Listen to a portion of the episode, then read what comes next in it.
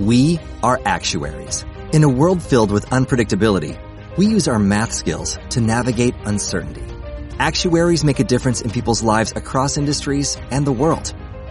Actuaries have the freedom to work anywhere, and according to US News and World Report, we're the 25th top paying career.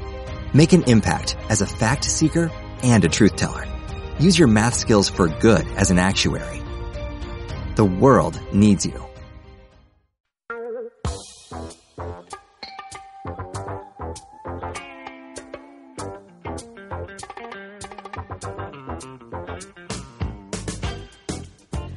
Dilluns a dilluns, cada 15 dies, us anirem descobrint, us anirem presentant diferents blocs que formen aquesta gran comunitat virtual que és la Penedesfera. I avui ens estrenem amb el bloc de la Federació Empresarial del Gran Penedès, el bloc de la FEC, i ens acompanya el seu secretari general, l'Isidre Also. Bon dia, benvingut. Hola, bon dia, gràcies. Avui hi ha moltes coses a explicar. Explicarem com es fa la transició d'un blog, d'una web, d'un domini, d'unes sigles a unes altres, perquè justament la, la FEC, la Federació Empresarial del Gran Penedès, fins fa quatre dies eren ADEC i web. I clar, això comporta molts, molts canvis. A les sigles ens hem anat acostumant en aquests primers mesos, però telemàticament també és, és un món, és un univers, no?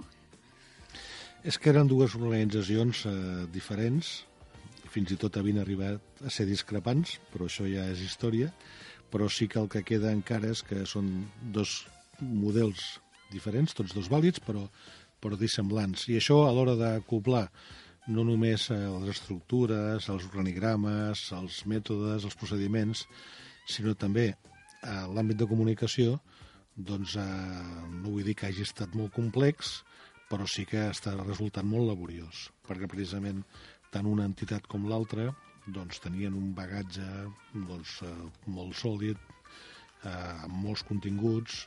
Per exemple, estic parlant ja en concret, ja m'estic ja orientant a, la pàgina, a les pàgines web respectives, i això, acoblar-ho, fer aquesta convergència d'una i l'altra, doncs encara hi estem treballant. El procés d'integració de les dues entitats és molt recent, l'estiu enmig però estem parlant de 3 mesos, 4 mesos màxim, i tot és com molt incipient i, bueno, i, i, i amb això estem. La comunicació, la imatge, les eines telemàtiques són una prioritat en aquest procés de transició? Ho són del tot. Les, eh, això no vol dir que haguem accelerat sobre manera doncs, tot aquest, aquest entorn eh, digital i de, i de xarxes, eh, sinó que hi estem posant doncs, tota la intensitat eh, pas a pas. Tot plegat requereix un pas a pas perquè són organitzacions, les, les que d'on provenim ara, doncs molt discretes, amb estructura pròpia, molt autònomes, i això fa que els recursos també siguin limitats. I això fa que quan vols fer un canvi, eh, també que afecta el logotip, que afecta marca, que afecta totes, a tots els atributs i també a la comunicació, doncs eh, s'hagi de fer amb, amb etapes molt tranquil·les, molt assossegades. Per exemple, en el cas del bloc, que in, in, inicialment era el bloc de la DEC, doncs ara ja s'identifica com el bloc de la FEC, però encara està sota un domini doncs, anterior. No? Si voleu xafardejar, entrarem en continguts. L'adreça continua sent adec.cat. El del blog sí, però de tota manera si s'entra al web fec.cat, FEC, sempre Federació Empresarial Gran Penedès. Si s'entra a fec.cat, de seguida tens accés al blog de la FEC i allà què hi pengem?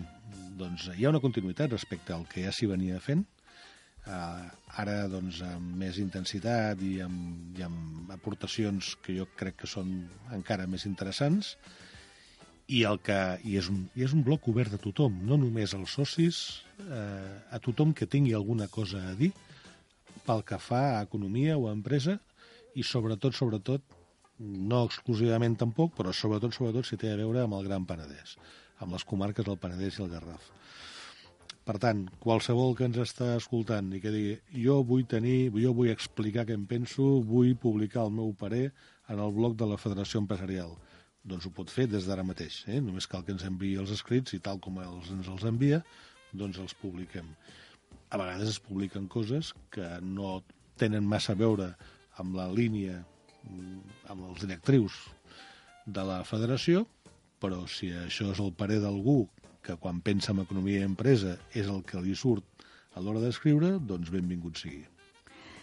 Quina vida, quina història té el, el blog de la DEC?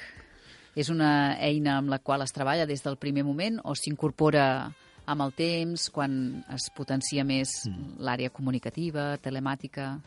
És recent, eh, puc parlar de fa com a molt cinc anys. I he de dir que Paradesfera va tenir molt a veure amb això. Ah, sí? Eh? Aviam. És a dir, els, eh, com a associació d'empresaris del Penedès Garraf, com a DEC, havíem col·laborat amb, les, amb els primers eh, els primers esdeveniments que com a Penedesfera s'organitzaven. Recordeu que anualment doncs, hi havia aquella gran trobada de Penedesfera eh, que, a més, que, que plegava a, a, a persones d'arreu, no? a persones que, que ja tenien el seu blog o que en tot cas ja començaven a treballar amb, amb aquests entorns eh, digitals. I, i semblava una paradoxa que nosaltres donéssim aquest suport com a entitat a Paradesfera, però que en canvi no tinguéssim el nostre blog, quan per altra banda som una entitat que sempre se'ns ha reconegut doncs, per una comunicació molt continuada, molt constant i molt diversa. I jo crec que l'esquer o l'estímul que necessitàvem era el de la Paradesfera.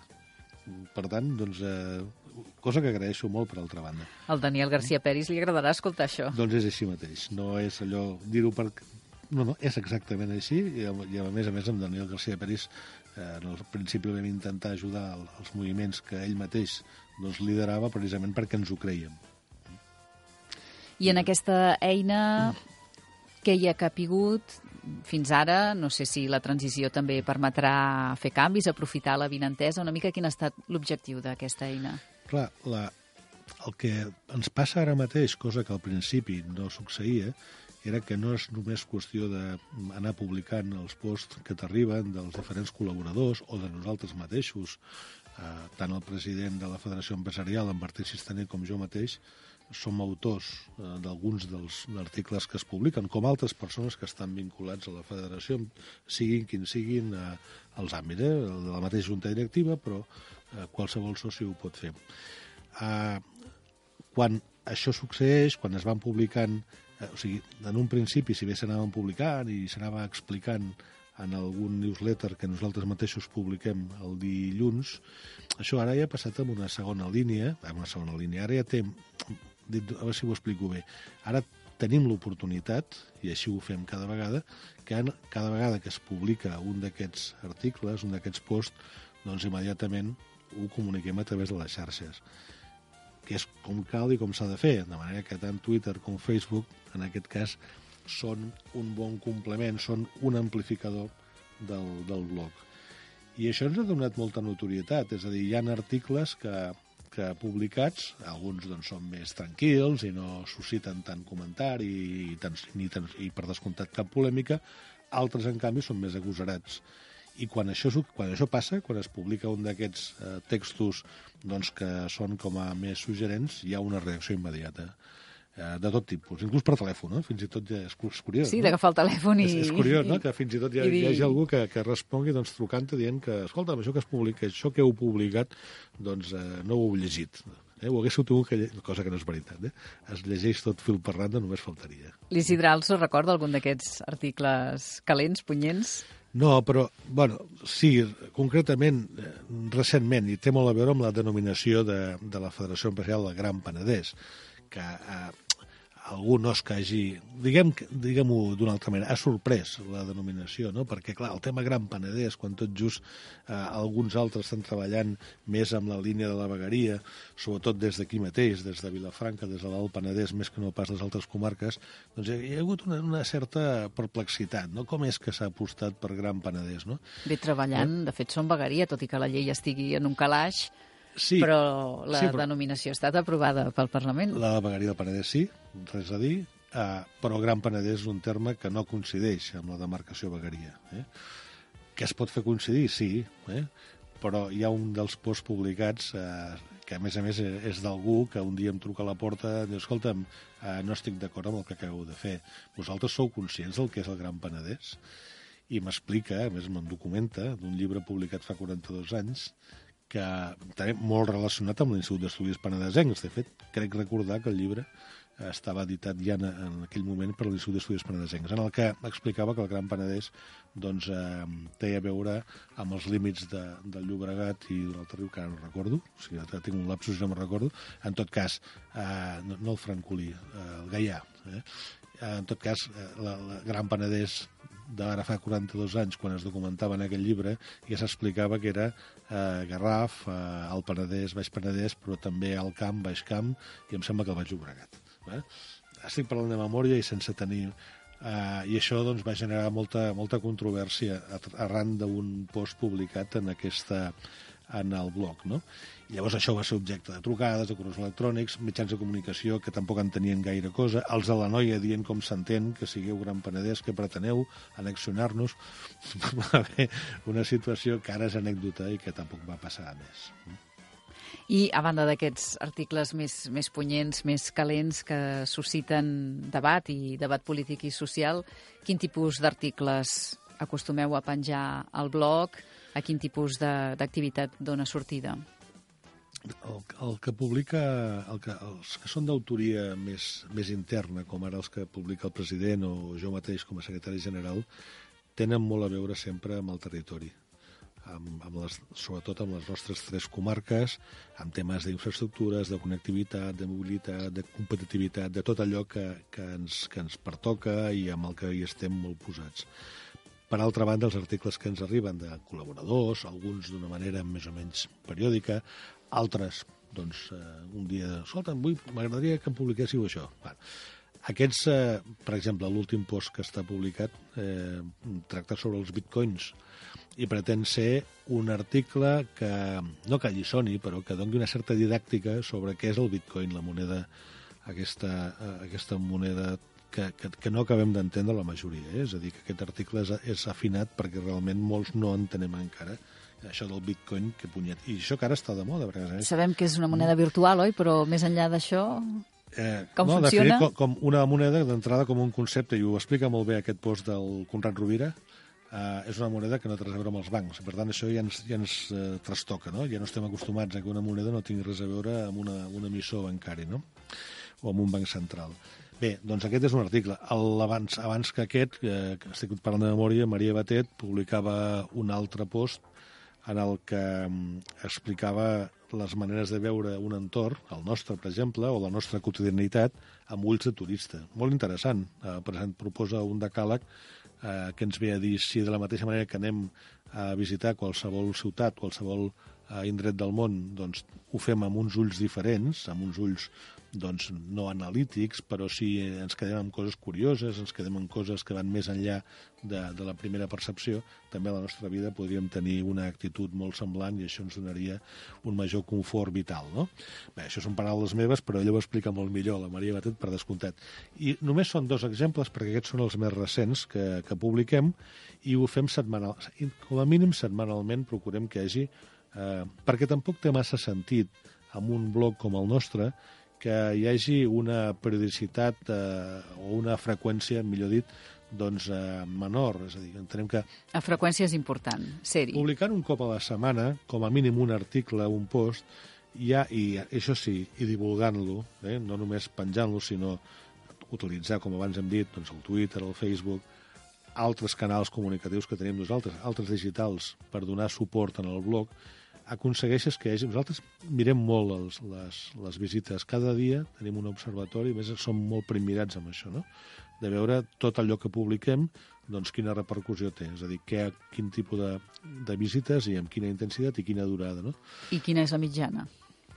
Pensa que el, la, el web de la Federació Empresarial rep unes... Ara mateix la mitjana està sobre les 1.500 visites. Visita, visites vol dir sessions de treball, no visites, eh? Sobre les 1.500 sessions de treball diàries, que és molt.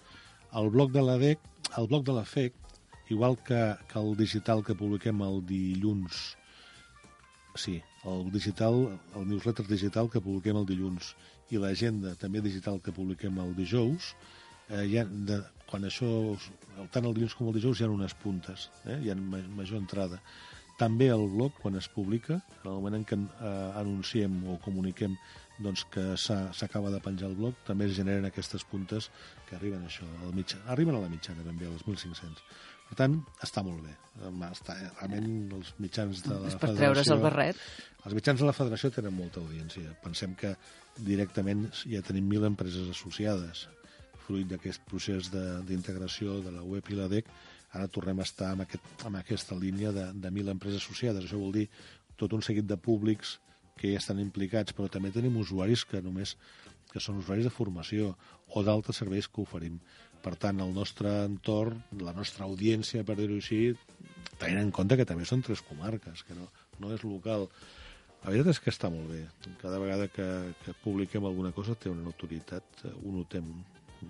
Ara entenem que aquestes eines siguin prioritàries en aquest procés de transició, com ens deia Isidre al sol a l'inici de la conversa, no? Són, són bàsiques. El paper, nosaltres encara publiquem la revista Perspectiva cada dos mesos, que aquesta també provenia de l'antiga DEC, i, i la volem mantenir perquè és, també és identitat i perquè també té, el seu, té la seva funció, però nosaltres, els nostres socis i en general els nostres públics, Mm, i accedim sobretot, sobretot, sobretot i gairebé exclusivament a través de les xarxes, eh, sigui a través dels correus electrònics o xarxes. Mm, avui és difícil fer-ho de cap altra manera si vols tenir un retorn eh, i una immediatesa en la, en la resposta. Quan estarà completada aquesta transició digital? Ens agradaria que fos de seguida, però també és veritat que són dues entitats les, les que han originat aquest procés, doncs, que són discretes, amb mitjans, amb recursos, amb, inclús la plantilla, de fet, és gairebé la mateixa que hi havia abans, hem, hem ajuntat les, les dues plantilles i, i no deixa de ser molt modesta. És a dir, que no tenim els recursos per fer-ho de manera sobtada com voldríem. Aquesta, de fet, i de fet el procés d'integració de la web i de la DEC està previst amb un calendari fins al 2020. És clar que el 2020 no vol dir que ens esperem fins llavors, sinó jo crec que en 4 o 5 mesos ja tindrem integrat tot, tots els dominis internètics, ho tindrem tot ja eh, eh, amb, una sola, amb un sol domini. Costa perquè són molts continguts, molts, i periòdicament els anem acoplant un i altre. Amb Isidre Also, secretari general de la Federació Empresarial del Gran Penedès, hem descobert aquest blog, ladec.cat, fec.cat, ben aviat, i les eines telemàtiques d'aquesta associació empresarial. Gràcies per acompanyar-nos i bon inici de curs. Gràcies, igualment.